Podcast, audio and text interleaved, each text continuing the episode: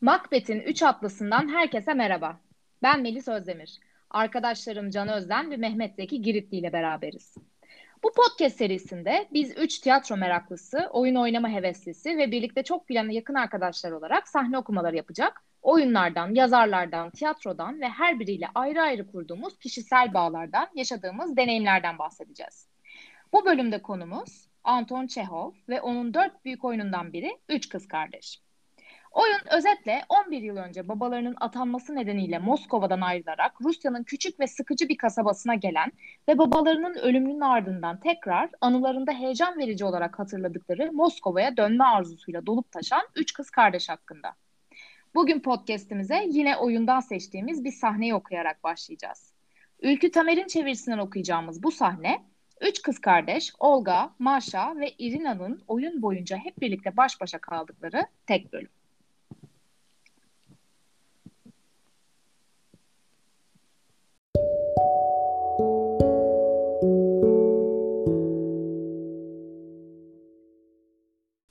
Ne silik bir insan oldu Andrei. O kadınla yaşamak sanki ihtiyarlattı onu, donuklaştırdı. Profesör olmaya hazırlanıyordu bir zamanlar. Bugünse şehir meclisi üyeliğine seçildiği için böbürleniyor. Andrei şehir meclisi üyesi, Protopopov da başkan. Bütün şehir gülüyor buna, bunu konuşuyor. Sadece kendisi bilmiyor.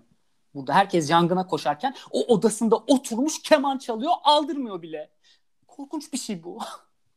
Korkunç bir şey. Dayanamıyorum.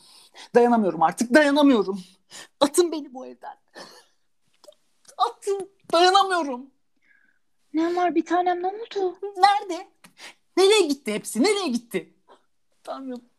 Her şeyi unuttum. Unuttum. Her şey birbirine karıştı kafamda. İtalyanca'da kapı ne demek, pencere ne demek bunu bile hatırlamıyorum. Her şeyi unutuyorum. Her gün unutuyorum. Hayat akıp gidiyor. Bir daha dönmeyecek. Hiç, hiç gidemeyeceğiz Moskova'ya. Biliyorum hiç gidemeyeceğiz. Bir tanem, bir tanem. Öyle mutsuzum ki. Çalışamıyorum. Çalışmayacağım. Yeter artık. Yeter. Telgrafhanede çalıştım. Şimdi de belediyede çalışıyorum. Bana verdikleri her işten tiksiniyorum. İğreniyorum. Neredeyse 24'üme geldim. Uzun zamandır çalışıyorum. Beynim kuruyor. Zayıfladım. ihtiyarladım. Çirkinleştim. Hiçbir umut belirtisi yok. Hiç. Hiç yok. Gerçek hayattan, güzel hayattan gün geçtikçe uzaklaşıyorum. Bir uçuruma yaklaşıyorum her gün. Umutsuzluk içindeyim. Niye yaşıyorum? Niye kendimi öldürmedim daha önce bilmiyorum. Ağlama yavrum ağlama bak üzülüyorum. Ağlamıyorum. Ağlamıyorum yeter artık bak. Ağlamıyorum bak yeter. Yeter. Bir tanem. Ablam arkadaşın olarak konuşuyorum seninle. Beni dinle. Baronla evlen. ne de olsa saygı duyuyorsun ona. Değer veriyorsun. Doğru. Pek yakışıklı değil. Ama öyle namuslu, öyle temiz ki. Hem sonra sevdiği için evlenmez insan. Görevini yerine getirmek için evlenir. Ben öyle düşünüyorum. Sevmesem de evlenirdim. Kiminle olsa evlenirdim. Namusluysa tabii. İhtiyar bile olsa. Moskova'ya gideceğimizi düşünüyordum hep. Gerçek aşkımı orada bulacağımı sanıyordum. Hayalini görüyordum onun. Onu seviyordum. Aptallıktan başka bir şey değilmiş meğer. Kardeşim, bir tanem hepsini anlıyorum. Baron Nikolay Livovich ordudan ayrılıp da karşımıza sivil elbiseyle ilk çıktığında o kadar çirkin bulmuştum ki onu kendimi tutamayıp ağlamıştım. Niye ağlıyorsunuz diye sordu. Ne cevap verebilirdim? Ama Tanrı evlenmenizi istiyorsa sevinirim. Evlilik başka bir şey çünkü. Değişik bir şey. Natasha'ya bak. Öyle bir dolaşıyor ki ortalıkta. Gören de yangını o çıkarmış sanır. Budalalık ediyorsun Maşa. Kızma ama ailenin en budalası sensin. Sevgili kardeşlerim, bir şey açıklamak istiyorum size. Kalbimi acı içinde. Açılmak istiyorum. Sonra kimseye tek kelime bile söylemeyeceğim. Her şeyi anlatacağım size. Bu benim sırrım ama her şeyi bilseniz iyi olacak. Susamam. Seviyorum. Seviyorum. O adamı seviyorum. Biraz önce gördünüz onu. Verşinini seviyorum. Böyle konuşma. Seni dinleyemem. Ne yapacağım? İlk bakışta garip buldum onu. Sonra onun için üzüldüm. Sonra da onu sevmeye başladım. Her şeyini, sesini, kullandığı kelimeleri, mutsuzluğunu, kızlarını. Dinlemiyorum. İstediğin kadar saçmala. Dinlemiyorum. Ah Olya, ne kadar budalasın. Seviyorum onu, kaderim böyle. O da beni seviyor. Ne korkunç şey öyle değil mi? Yanlış bir şey mi bu? Irina, bir tanem. Nasıl yaşayacağız hayatımızı? Ne olacağız? Böyle şeyleri romanlarda okuyunca ne kadar kokmuş geliyor insana. Ama sevmeye gör. Bir de bakıyorsun ki kimsenin bir şey bildiği yok. Her şeyi kendin çözmek zorunda kalıyorsun. İçimi döktüm ya. Artık susacağım. Gogol'ün delisi gibi olacağım artık. Sessizlik. Sessizlik.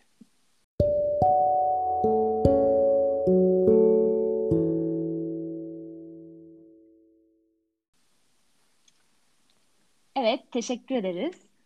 Şimdi bugün baktığımızda Beckett'in Godot'u beklerken oyunu ya da Seinfeld dizisinin bu hiçbir şey hakkında olmasını oldukça çığır açıcı buluyoruz. Ama aslında Anton Çehov bundan tam 120 yıl önce yazdığı Üç Kız Kardeş'te bu formülü çoktan uygulamıştı diyebiliriz. E, oyun boyunca üç kız kardeş Moskova'ya duydukları özlemden, işte oraya bir gidebilseler kavuşacakları o heyecan verici hayattan bahsederler. Ama bu hayale kavuşmak için hiçbir şey yapmazlar aslında. Oyunun genelinde de çok elle tutulur nitelikte pek bir olay olmaz. Olanlar da oyunun merkezinde yer almaz. Asıl olan karakterlerin duyguları, düşünceleri, eylemleri, eylemsizlikleridir. E, bu üç kız kardeş yana yakıla Moskova'ya gitmek isterler ama bir yolunu bulup gitseler bile o 11 yıl önceden kalan hayallerinde yaşattıkları Moskova'yı bulup bulamayacakları meçhuldür. E, bu oyun ya da hani okuduğumuz bu sahne hakkında ne söylemek istersiniz? Yani bu üç kız kardeşin ortak özellikleri Moskova'ya gitmek. E, sizce nerelerde farklılaşıyorlar? Nasıl bahsedebiliriz bundan?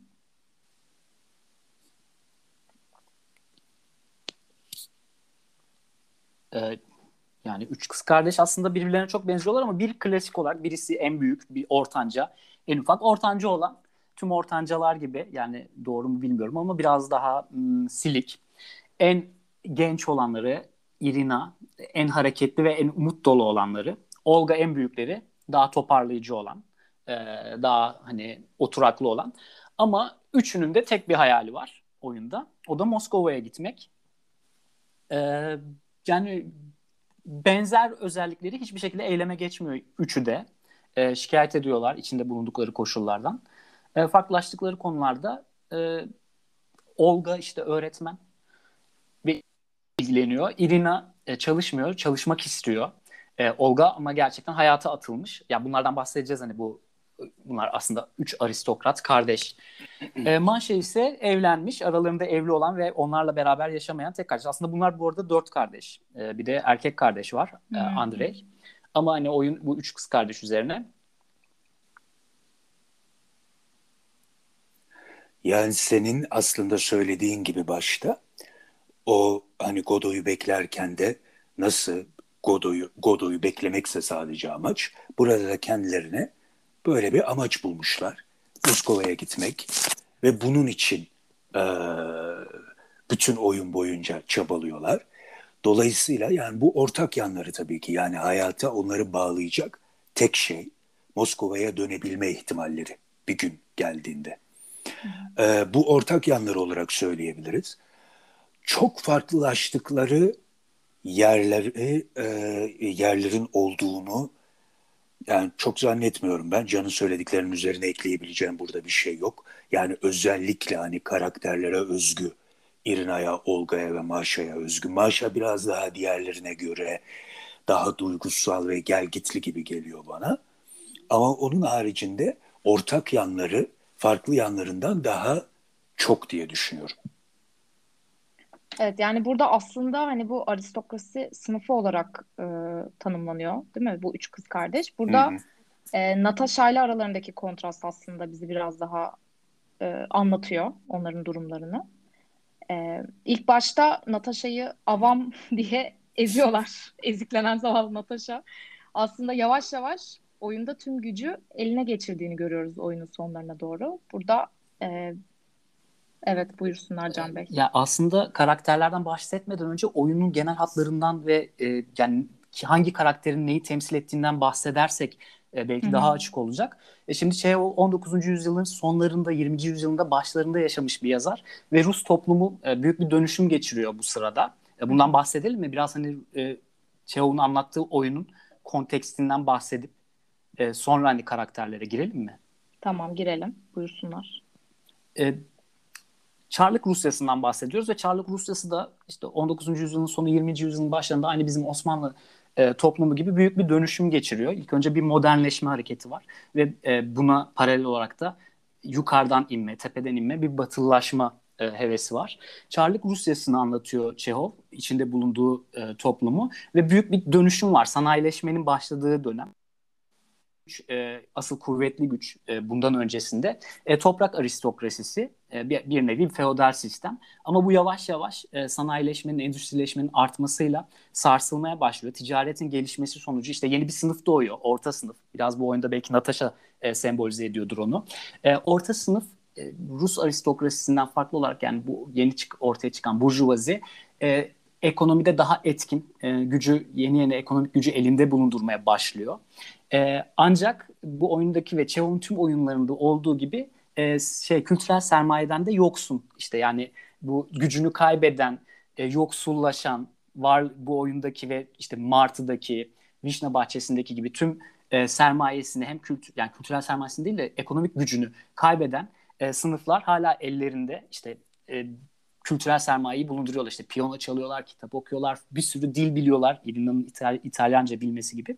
E, dolayısıyla iki sınıf arasında böyle bir farklılık var. Onun dışında işte Rus toplumunda ne oluyor buna paralel olarak? Toprak aristokrasisi güç kaybettikçe, endüstrileşme devam ettikçe e, köylüler yani Rus toplumunda işte köylü diyoruz ama bir nevi bu toprak aristokrasisinin kölesi gibi olan serfler e, yavaş yavaş şehirlere gidip e, ucuz iş gücü olarak şehirlerde yaşamaya başlıyorlar. Bu kentleşmeyi arttırıyor. E, bu toprak aristokrasisi de güç kaybettikçe onun aynı zamanda hizmetinde çalışan her Çehov oyununda olan e, uşaklar da böyle bir gelecek kaygısının içine düşüyorlar. Dolayısıyla e, Çehov bu e, tüm oyunlarında bu konteksti anlatıyor aslında. E, bu değişikliği anlatıyor. Karakterler ağırlıklı olarak e, bu top yavaş yavaş gücünü kaybeden toprak aristokrasisi e, ve onların dramını izliyoruz. Yani bunu Çehov bir dram olarak mı anlatıyor, komedi olarak mı anlatıyor? Bunu da ayrıca konuşuruz. Tamam. Ee, şeyden konuşabiliriz. Yani oyuna baktığımızda aslında o zamana kadar tiyatroda çok görmediğimiz türde karakterler görüyoruz. Ee, çok iyi ya da kötü diye adlandıramayacağımız daha derinlikli karakterler bunlar. Ee, Çehov oyunları aslında tiyatro dünyası adına bir devrim sayılabilir bu anlamda. Ee, Mehmet, sen bize biraz bahsetmek ister misin? Yani gerçekçi tiyatro olarak adlandırabileceğimiz bu türün başka hangi özellikleri var? Ee, yani realizm aslında hani o dönemde resim gibi diğer sanat dallarında da kendini gösteriyor değil mi? Hı hı. Evet evet yani e, bütün sanat dallarında aslında 19. yüzyılda özellikle de 1848 devriminden sonra gerçekçilik akımının çok yoğun bir şekilde etkilediğini görüyoruz. Mesela 1850'deki e, Stonebreakers dediğimiz resimle başladığını söyleyebiliriz bunun resimde. Ve e, tiyatroda da Çehov bunun en büyük temsilcilerinden birisi. Ve tabii ki Çehov'dan önce de Ibsen, Norveçli oyun yazarı Ibsen, gerçekçi ilk gerçekçi oyun diyebileceğimiz e, Nora Bebek Evi'ni yazıyor. Ve Rusya'da da Çehov'u görüyoruz bunu temsil eden. Şimdi gerçekçilikte şöyle bir şey var. Tabii ki çok fazla tanımı var ve çok çeşidi var. Mesela işte naturalizm var, sosyal gerçekçilik var vesaire. Fakat sanatta gerçekçilik dediğimizde en basit haliyle şöyle tanımlayabiliriz. Ee, sanatçının amacı, gerçekçi sanatçının amacı dış dünyayı olabildiğince yansıtmak eserinde. Yani sosyal koşulları, olan şeyleri, dışarıda gördüğü şeyleri, etrafımızda gördüğümüz hayatı olabildiğince o hayata uygun şekilde yansıtabilmek. Tiyatroda bunun karşılığı nasıl oluyor? İşte yine e, dönemin sosyal meselelerini sahneye getirmek aracılığıyla oluyor. Ve mesela burada nasıl şeyler önemli? Dekor çok önemli. Kostüm çok önemli. Yani bunların birebir gerçeği yansıtacak şekilde ama burada gerçek dediğimizde yine bunu bir tırnak işareti içinde söylemek gerekiyor. Çünkü çok farklı gerçeklik anlayışları da var. Burada dış dünyadaki gerçeklikten bahsediyoruz. Ve burada sahnede bir illüzyon yaratma meselesi. Yani nasıl bir illüzyon bu? Nasıl bir yanılsama? Sahnede olan olayları seyreden seyirci gerçekten bu olaylar oluyor ve bu insanlar gerçek insanlar ve ben şu an gerçek hayattan bir kesit izliyorum düşüncesine kapılmasını e, hedefliyor yazarlar ve işte gerçekçi oyun yönetmenleri. E, dışarıdaki yani normal hayatımızda gördüğümüz nedensellik ve mantık ilişkileri içerisinde her şey ilerliyor. Bir sebep sonuç ilişkisi içerisinde. Mesela düşlere yer yok. Çok düşsel şeylere yer yok. Ee, mesela bunun öncesine baktığımızda romantik akım var tiyatroda. Ee, romantik akım nedir? İşte daha idealize olmuş karakterler, daha ideal bir dünyayı sahne üzerinde gösteren e, bir akımdan bahsediyoruz. Yani romantik dediğimizde de günümüzde kullandığımız anlamıyla romantik değil tabii ki o. E, ve gerçekçiler de diyorlar ki hayır biz şu an toplumda olan ve bizim gördüğümüz şeyleri göstereceğiz. Dolayısıyla Çehov'un bu oyunları bu anlamda önemli ve daha sonrasında yani bu Rusya'da başlayan bu akım tiyatro e, alanından bahsediyorum. E, Stanislavski'nin ondan bahsedeceğiz ama işte turneleriyle vesaire bütün dünyaya yayılmış olduğunu görüyoruz. Gerçekçiliği kısaca böyle tarif edebiliriz. Peki bu akım gelmeden önce yani nasıl bir tiyatro anlayışı vardı? Seyirciler tiyatroya gittiğinde nasıl oyunlarla karşılaşıyordu? Yani bir tiyatro oyununa gidince beklentisi ne oluyordu ve Çehov bir anlamda bunu nasıl değiştirdi? Yani şöyle görüyoruz, e, işte biraz önce söylediğim gibi romantik akım var zaten e, gerçekçi akımdan önce. Rus tiyatrosu özelinde baktığımız zaman melodramlar çok popüler. Melodramlar görüyoruz. Aynen mesela bizdeki Yeşilçam filmlerini düşünün. Na- nasıldır oradaki melodramlar? İşte iyi karakterler vardır, kötü karakterler vardır. Bir de yardımcı karakterler vardır. İşte evin aşçısı, işte komik hizmetçi falan gibi karakterler vardır. Yani belli bir sınıfı temsil eden karakterler vardır. Aynen tiyatroda da bu şekilde gerçekçi akımdan önce böyle karakterler var. Tip diyoruz biz bunlara daha çok yani karakterden çok tip olarak adlandırabiliriz bunları. Bu şekilde tipler var sahne üzerinde. Dolayısıyla tiyatroya giden seyircinin de gerçek hayatla alakalı bir şey göreyim gibi bir beklentisi yok. Yani bir sosyal gerçeklik göreyim ya da işte bu oyun bana politik bir şey söylesin falan gibi bir beklentisi yok. Sadece e, bu tür yani kendini eğlendirecek bir hikaye görmeyi bekleyen bir seyirciden bahsedebiliriz. E, ve gerçekçilikle birlikte bunun tamamen değiştiğini, seyirci beklentisinin de e, tamamen dönüştüğünü ve hala bu dönüşümün yani günümüzde de hala bunun etkisi devam ediyor zaten. Onu görüyoruz. Tamam ya dekor dedin, kostüm dedin. Hani daha gerçekçi bir illüzyon yaratmaktan bahsettin. Hı hı. Aslında Stanislavski'yi de söyledin orada ama şu an ondan da bahsedebiliriz diye düşünüyorum. Ya Hı-hı. bu bu dönemde Moskova Sanat Tiyatrosu'nu ve Stanislavski'nin önemi ne bu süreçte? Hı-hı. Yani neden özellikle Çehov'la çalıştı sence? Ya şöyle öncelikle şeyden başlamak lazım galiba. Ee, Çehov bir doktor ve aynı zamanda bir kısa hikaye yazarı.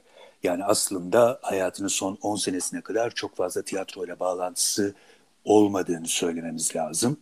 Daha çok hikayeler yazıyor. Bu hikayeleri edebiyat dergilerine gönderiyor ve aslında bu hikayeleri yazmaktaki asıl amacı da e, tıp eğitimini tamamlayabilmek. Bunun için yeterli işte maddi kazancı sağlayabilmek. Sonrasında Çehov oyun yazmaya başladığında Ivanov'u yazıyor ilk oyununu. E, kısa bir oyun, tek perdelik bir oyun ve sonra Martı'yı yazıyor. Martı e, Moskova Sanat Tiyatrosu'ndan önce başka bir tiyatroda sahneleniyor ve çok kötü yorumlar alıyor. Yani Çehov'un kendisi ikinci perdeyi izlemeye tahammül edemiyor ve saklanıyor falan yani şeye hmm. E, oyun sahnelenirken yani çok kötü yorumlar alıyor. Ama Çehov üzerine, kendisi mi yönetmişti o zaman onu? Hayır hayır başka bir ha. tiyatroya veriyor bunu. Tamam. Ve bunun üzerine Çehov büyük bir hayal kırıklığına kapılıyor ve diyor ki ben artık kesinlikle tiyatro oyunu yazmayacağım. Tiyatroyu beceremiyorum ben ve kendini çekiyor kenara bir süre. E, fakat Stanislavski 1898'de ee, Danchenko ile birlikte Moskova Sanat Tiyatrosu'nu kurduklarında e, Çehov Mart oyununu izlemiş tabii ki ve diyor ki ben bu oyunu çok farklı bir şekilde yöneteceğim. Buradaki karakterleri çok farklı bir şekilde sahneye koyacağım ve bu oyunun hakkını vereceğim. Ve Çehov'u uzun zaman ikna etmeye çalışıyor. Çehov ikna olmuyor yani böyle bir e, başarısızlığa bir daha katlanmak istemiyorum diye ama sonunda ikna ediyor Stanislavski onu ve Mart'ı Moskova Sanat Tiyatrosu'nda sahneleniyor ve büyük bir başarı elde ediyor. Bir klasik haline geliyor ve hala şu an yani Mart'ı işte Çehov'un en büyük oyunlarından bir tanesi ve bu tabii ki Çehov'u da çok cesaretlendiriyor ve bunun üzerine üç tane daha çok büyük oyun yazıyor. Vişne Bahçesi, Vanya Dayı ve Üç Kız Kardeş bizim bugün okuduğumuz. Tabii burada Moskova Sanat Tiyatrosu'nun önemi şu. Ee, Moskova Sanat Tiyatrosu kurulduğunda 1898'de şöyle bir amaçla kuruluyor. Yüksek sanat yapacağız diye kuruluyor. Ve şu ana kadar yapılan e, tiyatrodan farklı bir tiyatro yapacağız daha özgürlükçü bir tiyatro yapacağız. Oyunculuğa farklı bir şekilde yaklaşacağız. Bu amaçlarla kuruluyor ve e, hatta iki gün boyunca öyle bir efsane vardır. Stanislavski ile Danchenko'nun işte tiyatronun o tiyatronun nasıl olacağıyla alakalı hiç durmadan yani uyumadan konuştukları ve tartıştıkları söylenir. Neyse Moskova Sanat Tiyatrosu bu amaçlarla kuruluyor ve çok da yani iyi oyunlar sahneliyor gerçekten. İşte Ibsenler, Shakespeare'ler, daha sonra Çehovlar, e, sonraki dönemde Gorki vesaire. Ee, ve Stanislavski bir oyunculuk yöntemi geliştiriyor. E, bu oyunculuk yöntemine diğer insanlar sonrasında metot oyunculuğu diyor ama Stanislavski kendisi metot oyunculuğu olarak adlandırmıyor bunu. Hı hı. Sistem diyor sadece. Ve buna göre işte karakterlerin daha psikolojik derinliklerine odaklaşa, odaklanan, e, doğal oyunculuk dediğimiz şeye odaklanan bir oyunculuk biçimi ortaya çıkıyor. Yani artık tipler değil, sahnede o karakter, o karakter olmaya çalışan, o karaktere bürünmeye çalışan e, oyuncular seyretmeye başlıyoruz biz. Ve bu tür karakterlere en uygun oyunlar da Çehov'un oyunları. Çünkü Çehov'un oyunları olay örgüsü oyunlarından çok karakter oyunları aslında. Yani psikolojinin de etkisiyle çünkü psikolojinin de bir bilim olarak yükseldiği dönemler e, bu dönemler. Psikolojik derinlikleri olan iç çatışmaları çok olan karakterler. Ve dolayısıyla Çehov aslında Stanislavski'nin ortağı gibi bir hale geliyor. Stanislavski'nin kurmaya çalıştığı oyunculuk sisteminde e, en hani ona destek olan oyunlar Çehov oyunları oluyor. Tabii ki bu Moskova Sanat Tiyatrosu sonradan çok farklı yerlere gidiyor. Ona daha sonra gireriz istiyorsan ama e, gerçekçi tiyatro dediğimizde, doğal oyunculuk dediğimizde yani şu an günümüzde bile hala mesela e, tiyatro eleştirmelerine baktığımızda hala o dönemin e, kıstaslarıyla çoğu zaman eleştirdiklerini görüyoruz. Seyirci de öyle yani. İşte çok doğal oynadı ya da hmm. çok gerçekçi bir oyundu. Bütün bunlar aslında işte bu Moskova Sanat Tiyatrosu'nun mirası. Yani onun öncesinde böyle bir algı ya da anlayış yok. Peki Stanislavski Çehov'un oyunlarını ele aldığında temelde aslında türünü mü değiştirdi? Yani oradaki en belirgin değişiklik bu mu oldu? Çünkü bildiğimiz kadarıyla Çehov aslında oyunlarını komedi olarak yazıyor. Hı-hı. Ama Stanislavski sanırım bunu dram olarak ele alıyor. Buradaki bir aradaki anlaşmazlığı ve sonra nasıl hani e, anlaştılar biraz bundan bahsedebilir misin? Ya evet aslında e, en yanlış anlaşılmış ya da doğru anladık mı anlamadık mı emin olamadığımız yazarların başında geliyor bence Çehov. Çünkü kendi söylediği şeylerden anladığımız kadarıyla aslında gerçekten oyunlarının komedi olduğunu düşünüyor. Yani Martı'nın başında komedi diye yazıyor zaten. Ee, yani oradaki amacın işte insanların sıkışmışlıklarını göstermek falan gibi şeyler olmadığını söylüyor kendisi zaten. Fakat Stanislavski'nin yönetimine baktığımız zaman Stanislavski bu oyunları daha dram tarzında e, oyunlara dönüştürüyor. Ve biz bugün hala bir Çehov oyununa gittiğimizde çoğu zaman yani birine Çehov dediğimizde bir dram yazarı olarak düşünüyoruz Çehov'u. Yani işte e, içinde bulundukları durumdan kurtulamayan karakterler, o karakterlerin yaşadığı zorluklar vesaire. Fakat Çehov kendisi böyle düşünmüyor. Ve bazı yerlerde de şunu görüyoruz. Stanislavski ile aralarında bu tür bazı tartışmalar oluyor. Yani Çehov Stanislavski'nin kendi oyunlarını fazla dramatize ettiğini söylüyor bazı yerlerde. Ama bir yandan da buna çok sert bir şekilde karşı gelmediğini de görüyoruz. Ya bunun tabii ki benim şu an tahminim bu yani. E, aralarında bir ortaklık var ve bir şekilde iki tarafta biraz ne denir ona e, şey veriyorlar yani e, kelimeyi bulamadım şu an. Birbirlerinden Tarz. besleniyorlar. Ha, evet. Yani bir, bütün isteklerin gerçekleşemeyeceğini bildiğimiz için bazı tavizler veriyorlar. Dolayısıyla Çehov da arada sırada söylese de yani aslında bu kadar dramatize edilmemesi lazım falan gibi çok da böyle e, sert bir tepki göstermiyor ve günümüzde hala bence çoğu yönetmen de Çehov oyunlarını dram gibi yönetiyor diye düşünüyorum yani. Peki şimdi bu Çehov'un dört büyük oyunu var diyoruz aslında. İşte Martı, Vişne Bahçesi, Vanya Dayı ve Üç Kız Kardeş. Sizce kim haklı? Yani sizce bu oyunlar dram mı komedi mi? Ne dersiniz? Bölebilirsiniz de ona izin veriyorum. evet. Yani bence Can. komedi. Hı hı. Hepsi yani mi? şöyle hepsi komedi işte yani ben e, Stanislavski'nin tarzıyla işte Mehmet'in anlattığı o gerçekçi tiyatro ile ilgili bir şey var. Bunların drama dönüşmesinin bence. Çünkü Stanislavski e, fazlasıyla empati kuruyor. Yani oyunculuk yöntemi olarak da hani o kişiyi hissetmek, onun psikolojisini derinden hissetmek. Yani siz o karakteri e, çok dışarıdan bakmıyorsunuz. Hani yabancılaşmanız tamamen e, aradan elenince o durumun, o koşulların içinde oyuncu olarak ve izleyen seyirci olarak da o koşulların içine e, tüm şeyle, gerçekliğiyle girince aslında içinde bulunduğunuz e, durumun komedisini anlamıyorsunuz muhtemelen. Yani e, dolayısıyla sahneleme anlamında, rejisörlük anlamında da o komediyi çıkartamazsınız. Yani işte bu aristokratlar güçlerini kaybediyorlar. Büyük bir trajedinin içindeler. Daha önceki o tüm abiliteleri, tüm becerileri artık anlamsız şu dünyada.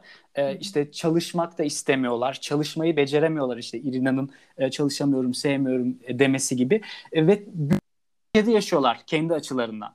Ama siz biraz dışarıdan bakarsanız buna yani tamamen komediye dönüşüyor bu. Çünkü yani tüm o e, becerisi yani İtalyanca bilmesi yani tabii ki e, bu onun için bir dram ama siz dışarıdan baktığınızda e, Rusya'nın işte kırsal hayatında o kıyafetlerin içerisinde bir ki kadın diyor ki İtalyanca'da pencere ne demek kapı ne demek. Ya bunu hani nereden baktığınızda biraz yabancılaşıp dışarıdan bakmayı becerirsen bu çok büyük bir komedi olur.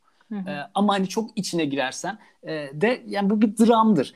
E, o yüzden de Çehov'la şeyin Stanislavski'nin tarzı aslında e, birbirini biraz dışlıyor olabilir. Yani Stanislavski'nin bunu drama çevirme sebebi bu olabilir. E, dışarıdan bakamaması, yabancılaşamaması olabilir. Zaten bunun üzerine de hani konuşacak mıyız bilmiyorum ama e, bunun üzerine zaten Stanislavski'nin öğrencisi olan ve ona hani e, onu challenge eden kişiler çıkıyor Meyerhold gibi. Onlar hani bu naturalist tiyatronun ötesinde hani bu gerçekçiliğin ötesinde daha sonra işte yıllar sonra Almanya'da da Brecht gibi insanlar çıkıyor. Bunlar tamamen hani o e, şeyi e, Stanislavski'nin hani Aristo'dan etkilenerek yani bu katarsisi çıkartmaya çalışması e, işte Aristo ne diyor tiyatroya gittiğimizde böyle korku ve acıma duygularımızdan arınıyoruz. Bunu nasıl beceriyoruz? Yani o sahnede gördüğümüz kişiyle kendimiz empati kurarak onunla kendimizi özdeşleştirerek değil mi? Yani o bizi aslında biraz edilgen duruma düşürüyor. E, onun dışında onlardan sonra gelen tüm kişilerde yani birçok e, daha doğrusu e, yöntem geliştiren alternatif isimlerde buna meydan okuyorlar. Ne diyorlar? Yani seyirci çok edilgen. Seyircinin de hayal gücünün e, aktif olması lazım. Seyirci de oyuna e, bir dördüncü yaratıcı olarak işte yönetmeni, yazar ve oyuncuya ilaveten ayrıca yaratıcı olarak eklenmeli. E, o da bu işin bir paydaşı olmalı diyorlar. E, bu yüzden de seyircinin çok fazla empatisi kurmasını istemiyorlar izlenilen hmm. şeyle. Dolayısıyla hani Stanislavski ile ve işte Aristocu e, tiyatro diyebileceğimiz tüm o hani gerçekçilikten bu şekilde farklılaşıp farklı işler yapmaya başlıyorlar. O yüzden yani Çehov'la siz ne kadar işte hani böyle oyuncu olarak oynamaya çalışırken ya da seyirci olarak hissetmeye çalışırken yani o şeyle ilgili sanırım seçtiğiniz yolla ilgili. Hmm. Ee, yani, yani bunu... merkeze merkeze neyi koyduğunla da alakalı bir şey evet. herhalde. Nereden bakmayı hmm. tercih ediyorsun? Yani burada Kesinlikle. çok güzel bir şey söyledim bence. Karakterlerin Evet yani karakterlerin kendilerinin bir trajedi içinde olması durumun aslında komik olmasını da değiştirmiyor yani. Evet. Nereden baktığınla alakalı. Çok iyi. Ya muhtemelen hani o oyuncu ne kadar belki de bunu dramatize ederse, hı hı. ne kadar hissederse ama bu rejisörün belki becerisi olacak. O onu öyle yaptıkça belki komedisi daha fazla çıkar. Bilmiyorum. Atıyor, aynen. Evet çok iyi. Ee, peki Moskova Sanat Tiyatrosu'ndan bahsettik Memo'cum. Yani. Lenin ve Stalin döneminde e, nasıl bir şeye evriliyor e, Moskova Sanat Tiyatrosu? Yani başka türlü bir tiyatro bir de mümkün müydü o zaman için? Ee, şöyle yani e, dediğimiz gibi işte çok farklı bir amaçla kurulup daha sonra çok farklı bir şeye dönüşen bir tiyatro olarak bakmak lazım. Moskova Sanat Tiyatrosu'na ve Stanislavski'nin yöntemine de. Yani e, Stanislavski ile Danchenko belli bir süre sonra birbirleriyle çatışmaya başlıyorlar.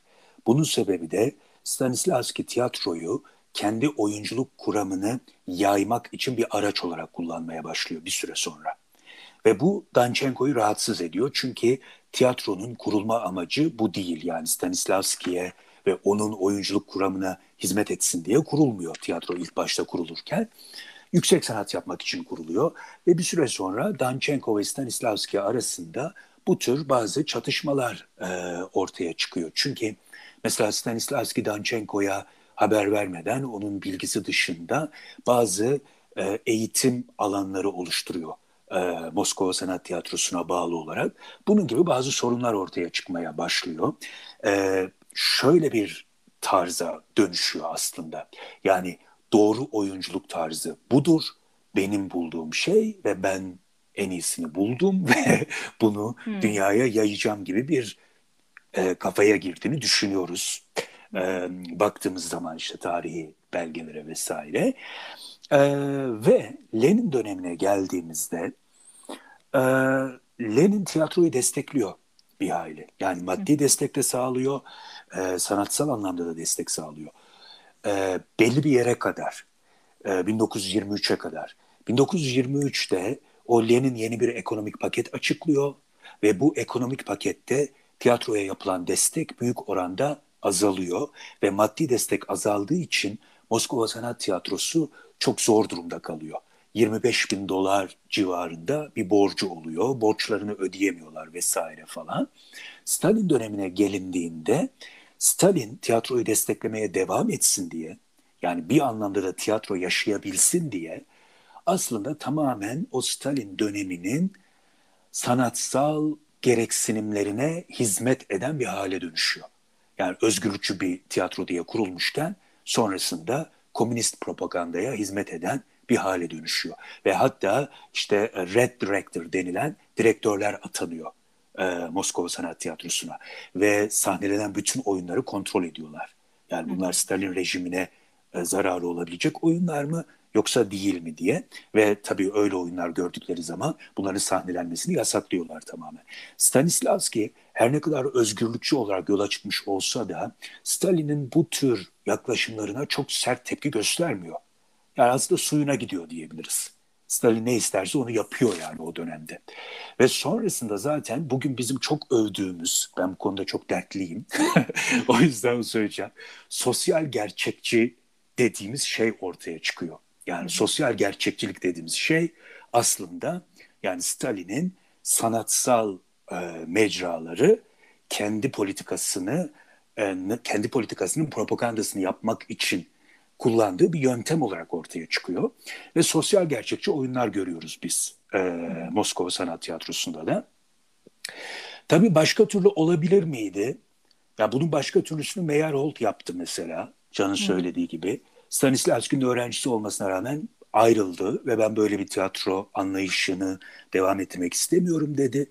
Ve e, yani tiyatronun amacı sadece dış dünyayı yansıtmak olmamalı, başka bir şeyler olmalı yani sanatsal bir dünya oluşturmalı diyerek kendi tiyatrosunu kurdu ama başına gelmedi kalmadı. Sonunda hmm. işte karısıyla vesaireyle falanla birlikte öldürülüyor zaten. Hı Yani Stanislavski böyle bir yol izleyebilirdi. Stanislavski böyle bir yol izlemeyi tercih etmediğini görüyoruz. Ee, ve Stalin'in propagandasını yapmayı tercih ettiğini görüyoruz. Bu şekilde bir süre daha Moskova Sanat Tiyatrosu devam ediyor. Sonrasında zaten Stanislavski kalp krizi geçirdikten sonra çok fazla ilgilenememeye başlıyor e, tiyatroyla da. Ve e, sonraki dönemlerde de tiyatro ikiye bölünüyor zaten. Çehov bölümü ve Gorki bölümü olarak. Çünkü Çehov'dan sonra yani Çehov öldükten sonra e, tiyatronun en önemli yazarı Maxim Gorki oluyor.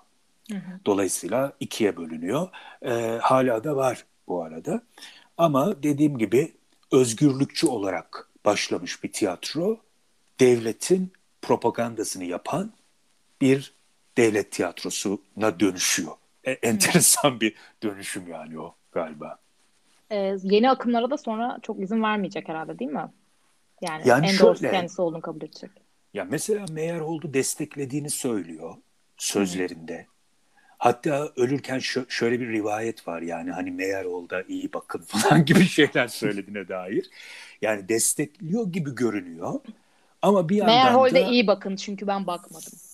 Öyle bir şey. Bakmadım siz bakın falan öyle bir şey de olabilir. Ee, sözde destekliyor gibi görülüyor ama yani pratikte çok da ben desteklediğini zannetmiyorum. Yani çok alan açmıyor açıkçası kendinin dışında işte farklı düşüncelere Moskova Sanat Tiyatrosu içinde çok alan açtığını düşünmüyorum. Zaten bu da işte Danchenko'yla ortağıyla birbirlerine düşmelerinin en büyük sebebi diyebiliriz yani. Bir süre sonra bozuluyor ortaklık zaten.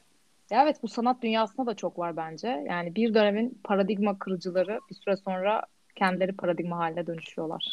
Ya evet mesela şey de e, mesela Beckett Hı. e, işte karşı gerçekçi bir yazar vesaire ilk çıktığında çok deneysel ve özgürlükçü ama bugün mesela Beckett eleştirisine baktığımızda ya da Pinter yani gayet hani klasik tiyatro gibi oldular artık. Hı. Yani böyle bir dönüşüm geçiriyor galiba tiyatro ya da işte ne bileyim insanlar özgürlükçü olmak için yola çıkıp yani bunu e, günümüzde de biz herhalde çok örneklerini görüyoruz etrafımızda. Yani özgürlükçü olmak için yola çıkıp sonra benim dediğim doğruya geliyor galiba insan doğası bir yerde. Evet. Peki bu yani günümüzde bizi birçok etkileyen Yıldız'ın e, Stanislavski'nin oyunculuk metodundan işte bu metot oyunculuğundan Hı. evrilen yöntemlerle çalıştıklarını biliyoruz. E, yani nasıl oldu da peki Stanislavski Rusya'dan çıkıp dünyaya bu kadar yayıldı? Ee, şöyle bunda Amerika'nın etkisi çok büyük. Hı hı. Ee, ve Avrupa'ya yaptıkları turnelerin etkisi çok büyük. Yani Stanislavski belli bir süre sonra e, Av- Avrupa'nın çeşitli yerlerine turneler düzenliyorlar ve buradaki oyunculuk yani oyunculuk metodunu burada yaymaya çalıştığını görüyoruz. Ama en önemlisi Amerika'ya e, Amerika'daki bağlantılarında ortaya çıkıyor. Özellikle de Stella Adler'in e, Stanislavski ile birebir çalışması ve daha sonra Amerika'ya bunu, bu oyunculuk metodunu taşıması, Marlon Brando gibi insanların e, bu metot oyunculuğu yöntemini benimsemesi ve sonrasında bunun Amerika'da yayılmasıyla e, zaten biliyorsunuz bunlar yani çok işte güç ilişkileriyle de bağlantılı bir şey. Sanki bu hani tek ve en doğru oyunculuk metoduymuş gibi dünyanın geri kalanında da benimseniyor. Ama burada yani şunu söylemek lazım. Biz hani bugün doğal oyunculuk dediğimizde hala böyle anlıyoruz yani doğru olan oyunculuk biçimi buymuş gibi.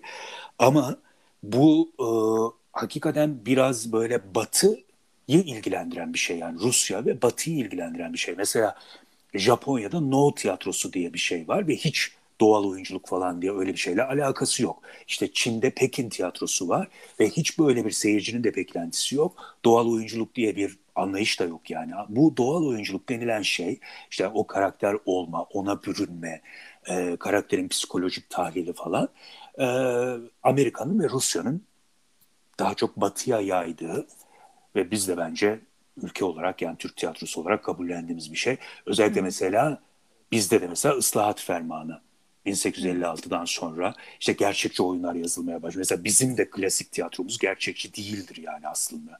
Hı. Geleneksel Türk tiyatrosu gerçekçi değil yani. Ama yani şu an o benimsenmiş. Evet. Can sen ne demek istersin? Ya aynısını söyleyecek yani bizde de Osmanlı zamanı bu batılılaşma hareketine kadar işte orta oyuncuları işte meddahlar, Karagöz, Hacivat. Ya bunlarda hiç o gerçekçilik yok. Ama bu hani Rusya ile baş yani şöyle diyebiliriz aslında Rusya'dan ziyade bu batı merkezli ve Rönesans'a kadar dayandırabiliriz bunu. Yani Rönesans'la beraber işte bu bireyselleşmenin, birey kavramının ön plana çıkması yani hani ait olduğumuz toplumdan ziyade işte dinden ziyade e, birey olarak sen senin bağımsızlaşman e, dolayısıyla işte hümanizmle beraber insanın bu kadar öne E bunun sonucunda neyi getiriyor? O zaman insanın perspektifinin yani senin bakış açının da e, her şeyin merkezine konması demek. E bizim bakış açımızla da işte o sanata da resme de yansıyor, heykele de yansıyor. Biz nasıl dünyayı görüyorsak e, heykelde de, resimde de, tiyatroda da o şekilde hani gündelik hayata uygun, gerçekçi parantırnak içinde bir şekilde e, yapıyoruz. İşte daha sonra yani bu 1800'lerin sonu, 1900'lerin başlarında bu karşı gerçekçi dediğimiz işte resimde e, Dali'ler, Picasso'lar falan ancak daha sonra hani ortaya çıkabiliyorlar. Ya da işte tiyatroda Meyerhold'lar. E, çünkü yani bu batı merkezli ama bunun şey bir de dönüştürücü e, gücünün e, yani tiyatronun ve sanatın dönüştürücü gücüne inanıp bunu hani siyaseten de kullanmaya çalışan kişiler farklı şeyler denemeye başlıyor sanırım. O yüzden hani Amerika'da tabii ki Stanislavski e, yöntemi takip edilecektir. E, ne, ama siz devrimciyseniz atıyorum yani hani bir şeyleri değiştirmek istiyorsanız tabii ki seyirciyi o zaman edilgen yani o sanatı sanatın alıcısı mı diyeyim ne diyeyim bilmiyorum. Sanat yani izleyen, bakan o kişiyi daha etkin hale getirmek için yani o edilgenlikten kurtarmak istiyorsanız o zaman başka şeyler deniyorsunuz. Hani gerçekçiliğin dışına çıkıp e, onun hayal gücünü canlandıracak şeyler deniyorsunuz. E bunu işte kim yapıyor bizde? Türkiye'de çok az var. İşte bizim de e, eğitiminden, tedrisatından bir şekilde geçtiğimiz stüdyo oyuncuları. Şahika Tekant var. Ona sanırım referans vermek gerekebilir. Hani bunu kıran, e, bu gerçekçi oyunculuğu işte kırıp işte Grotowski'den, Meyerhold'dan böyle alternatiflerden etkilenen e, tiyatrolar dünyanın her yerinde var ama bunlar tabii ki işte sinemada ya da dizilerde etkin şeyler değil, yöntemler değil. Yavaş yavaş yine atıyorum zamanıyla oynuyorlar. E, flashbackler oluyor, başka kurgular giriyor. E, dolayısıyla bunların etkileri var. Ama hala hazırda bizi asıl etkileyen şey ne? Ne kadar gerçekçi olduğu. Yani ne kadar etkilendiğimiz, ne kadar gözyaşı döküyor o aktör yani ne kadar hissediyor. Evet yani bu hissetmek isteyen toplumlar diye bir şey var gerçekten ancak öyle etkilenen. Biz de onlardan bir tanesi. Evet çünkü herkes için. katarsis olmak istiyor işte. Herkes evet. bir şekilde boşalmak istiyor. Hmm, öyle. Şey daha zor diğer olan yani hani işte böyle didaktik olsun demiyorum ama hani böyle sorgulatan bir şekilde seni aktif hale getiren seyircinin de konforunu bozan şeyler çünkü bunlar. Hı hı. Evet. Memurcuğum sen bir şey söyleyeceksin. Ee, evet yani şey Can'ın söylediğine bir şey ekleyecektim.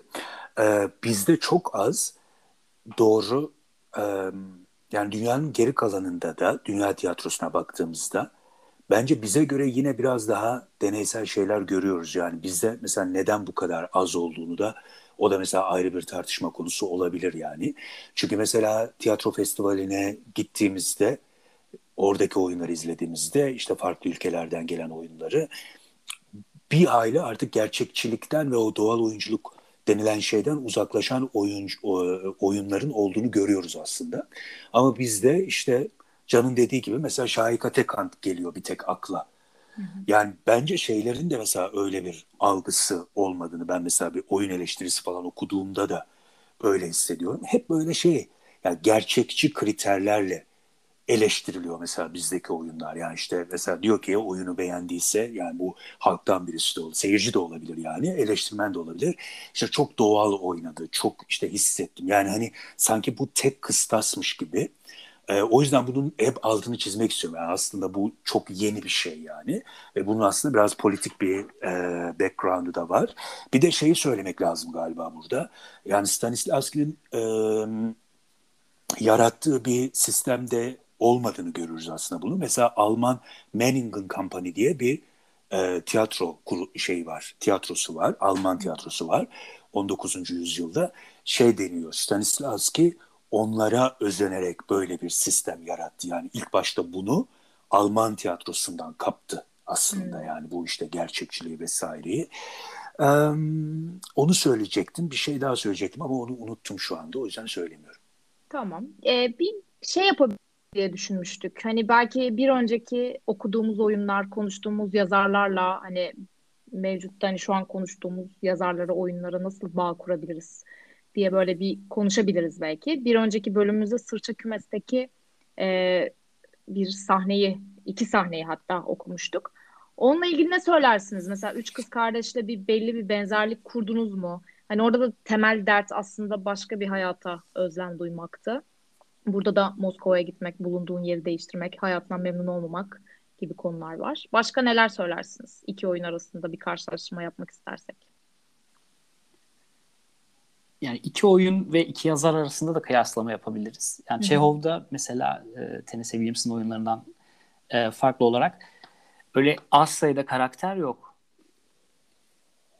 10-15 tane karakter var. Vişne Bahçesi'nde de Martı'da da ve Çehov yani öyle usta ki her bir karakter yani çok küçük sahneleri de olsa tüm trajedilerini çok detaylı bir şekilde e, ya da işte iç çatışmalarını görüyoruz mesela. İşte bu oyunda benim en çok dikkatimi çeken bu üç kız kardeşte Anfisa isimli bir dadı var. Eski bir işte evde hmm. çalışan yaş eski diyorum ben.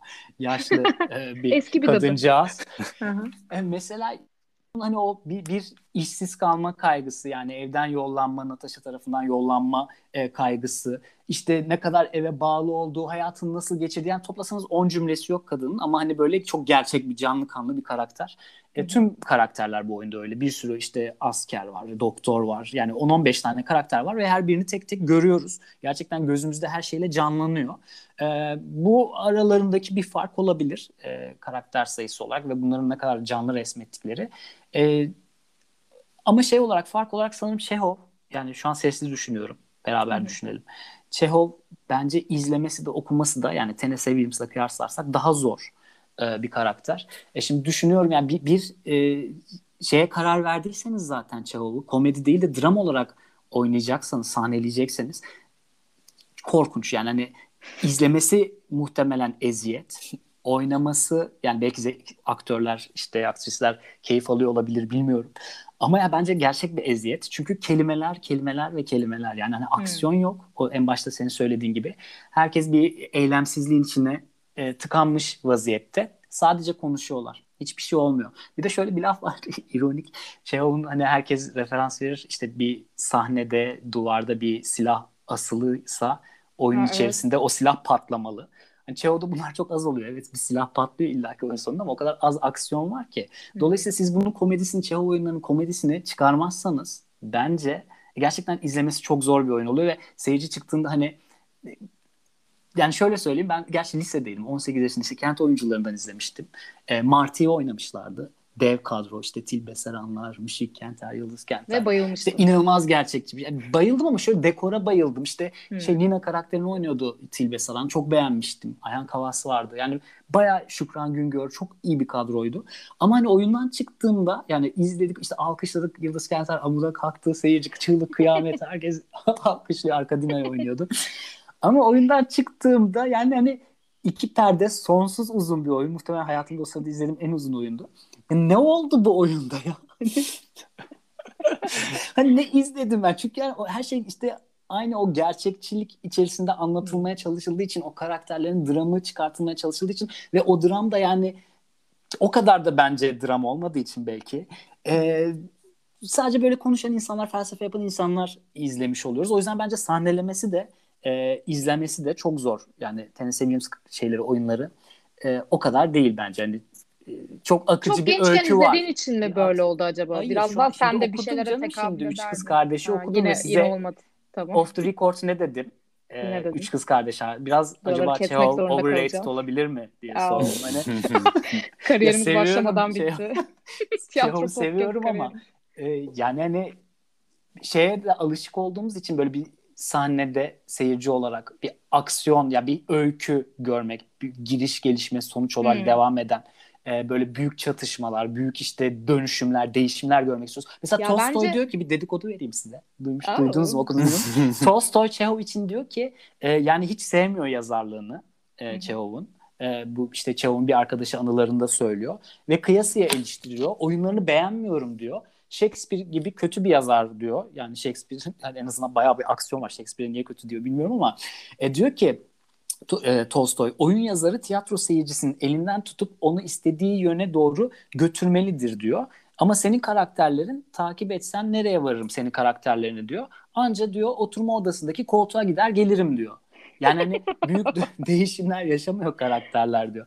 Dolayısıyla bu yüzden hani izlemesi bir, bir, bir yandan da bu yüzden zor. E, çünkü öyle büyük şeyler, aksiyonlar yaşanmıyor. Bak zamanında Tolstoy'u bile sıkmış aslında. Günümüzde şu an imkansız herhalde. Yani herkesin o e, ilgi şey, alanının gittikçe böyle kısaldığı daha böyle hani hızlı tüketim hmm. şey YouTube'un popüler olduğu falan bir dönemde evet. giderek daha da zorlaşıyordur büyük ihtimalle. Kesinlikle. Ya okuması yine görece daha kolay ama izlemek bence e, o komedisini çıkartamazsınız. Çünkü Çehov tüm oyunlarına komedi diyor ve ısrarla hani hala komedi olarak oynanmıyor oyunları. Mizahı çok çıkartılmıyor.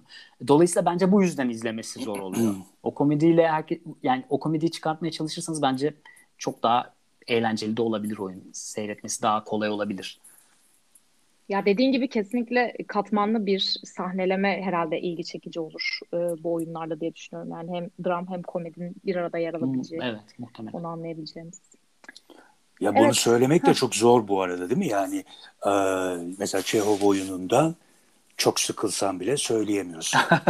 evet ya değil şey mi? gibi şey. Ya, o da enteresan. İnsanın üstüne böyle baskı oluşuyor. Mesela şey gibi ben mesela klas edebiyatçıyım ama itiraf ediyorum yani burada. Dünya klasiklerini okumayı sevmiyorum yani. Sıkıcı sıkıcı buluyorum.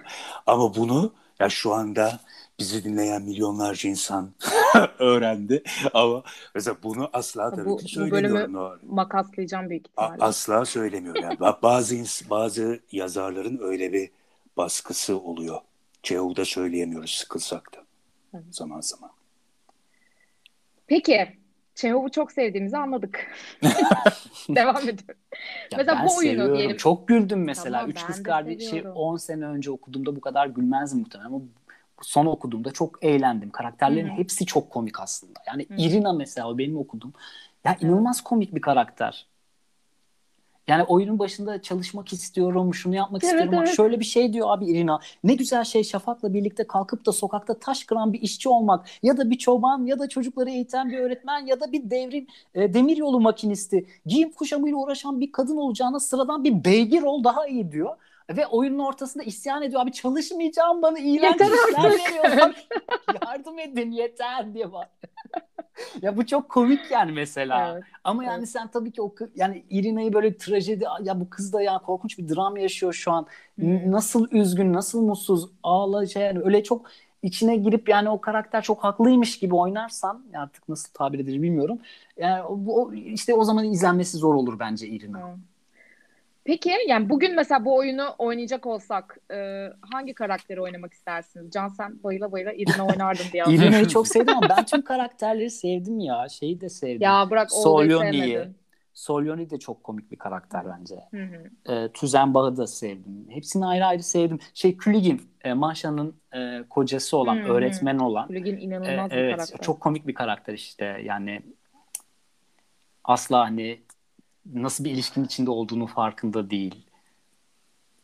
Hı. Kendini ben, gördüğü yerde değil.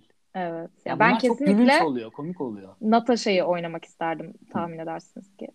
Çok eğlenceli bence. Harika. Yani oradaki dönüşümü de çok güzel. İlk başta böyle kemeriyle dalga geçilen zavallı küçük ezik bir taşralı kızken en sonunda böyle ev sahiplerinin kemerlerine laf edebilecek cürete ulaşabiliyor harika bir karakter oynaması. Natasha tabii dört, ay, üç kız kardeşten biri değil. Ee, evet. Abinin, Andrei'in e, şey, görümce. oyunun başında tanışıp sonra evlendiği. Evet kız kızların görümcesi olduğu görümce. kişi. Görümce oynamak isterdim. Memo'cum senin var mı özel bir tercihin? Güzel oyunlarda. bu arada görümce olan üç kız yani. kardeş. Natasha Öyle mi? Değil. Ay hiç Üç kız bilmiyorum onları nasıl oluyor. Sıfır akraba. Ben Natasha ne oluyor? Natasha gelin. gelin. Gelin. Aa Ezogeran. Tabii. Tamam. Dışarı, dışarıdan geldiği için. ee, yani özel bir isim yok galiba ya. Ya, ya ben mesela şey seni Arkadina olarak düşünürdüm şeyde. Arkadina. Arkadina, ateist kadın. Ha Martı'da hmm. evet.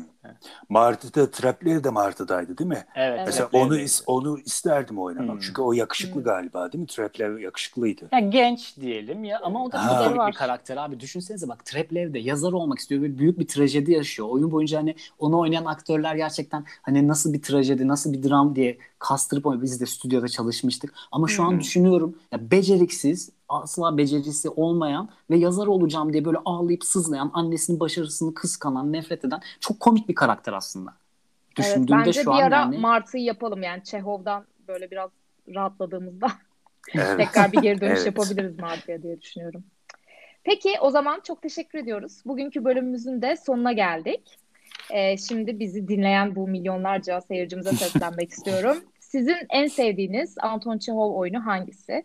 Peki yazarın sahnede canlandırmak istediğiniz ya da izlemeyi en çok sevdiğiniz karakteri hangisi? Bu seride başka hangi oyunları ya da yazarları konuşmamızı istersiniz? Bize Instagram hesabımız Macbeth'in 3 atlasından ulaşabilir. Programla ilgili her türlü yorumunuzu yazabilirsiniz. Bir sonraki bölümde görüşmek üzere. Hoşçakalın. Hoşçakalın. Görüşürüz.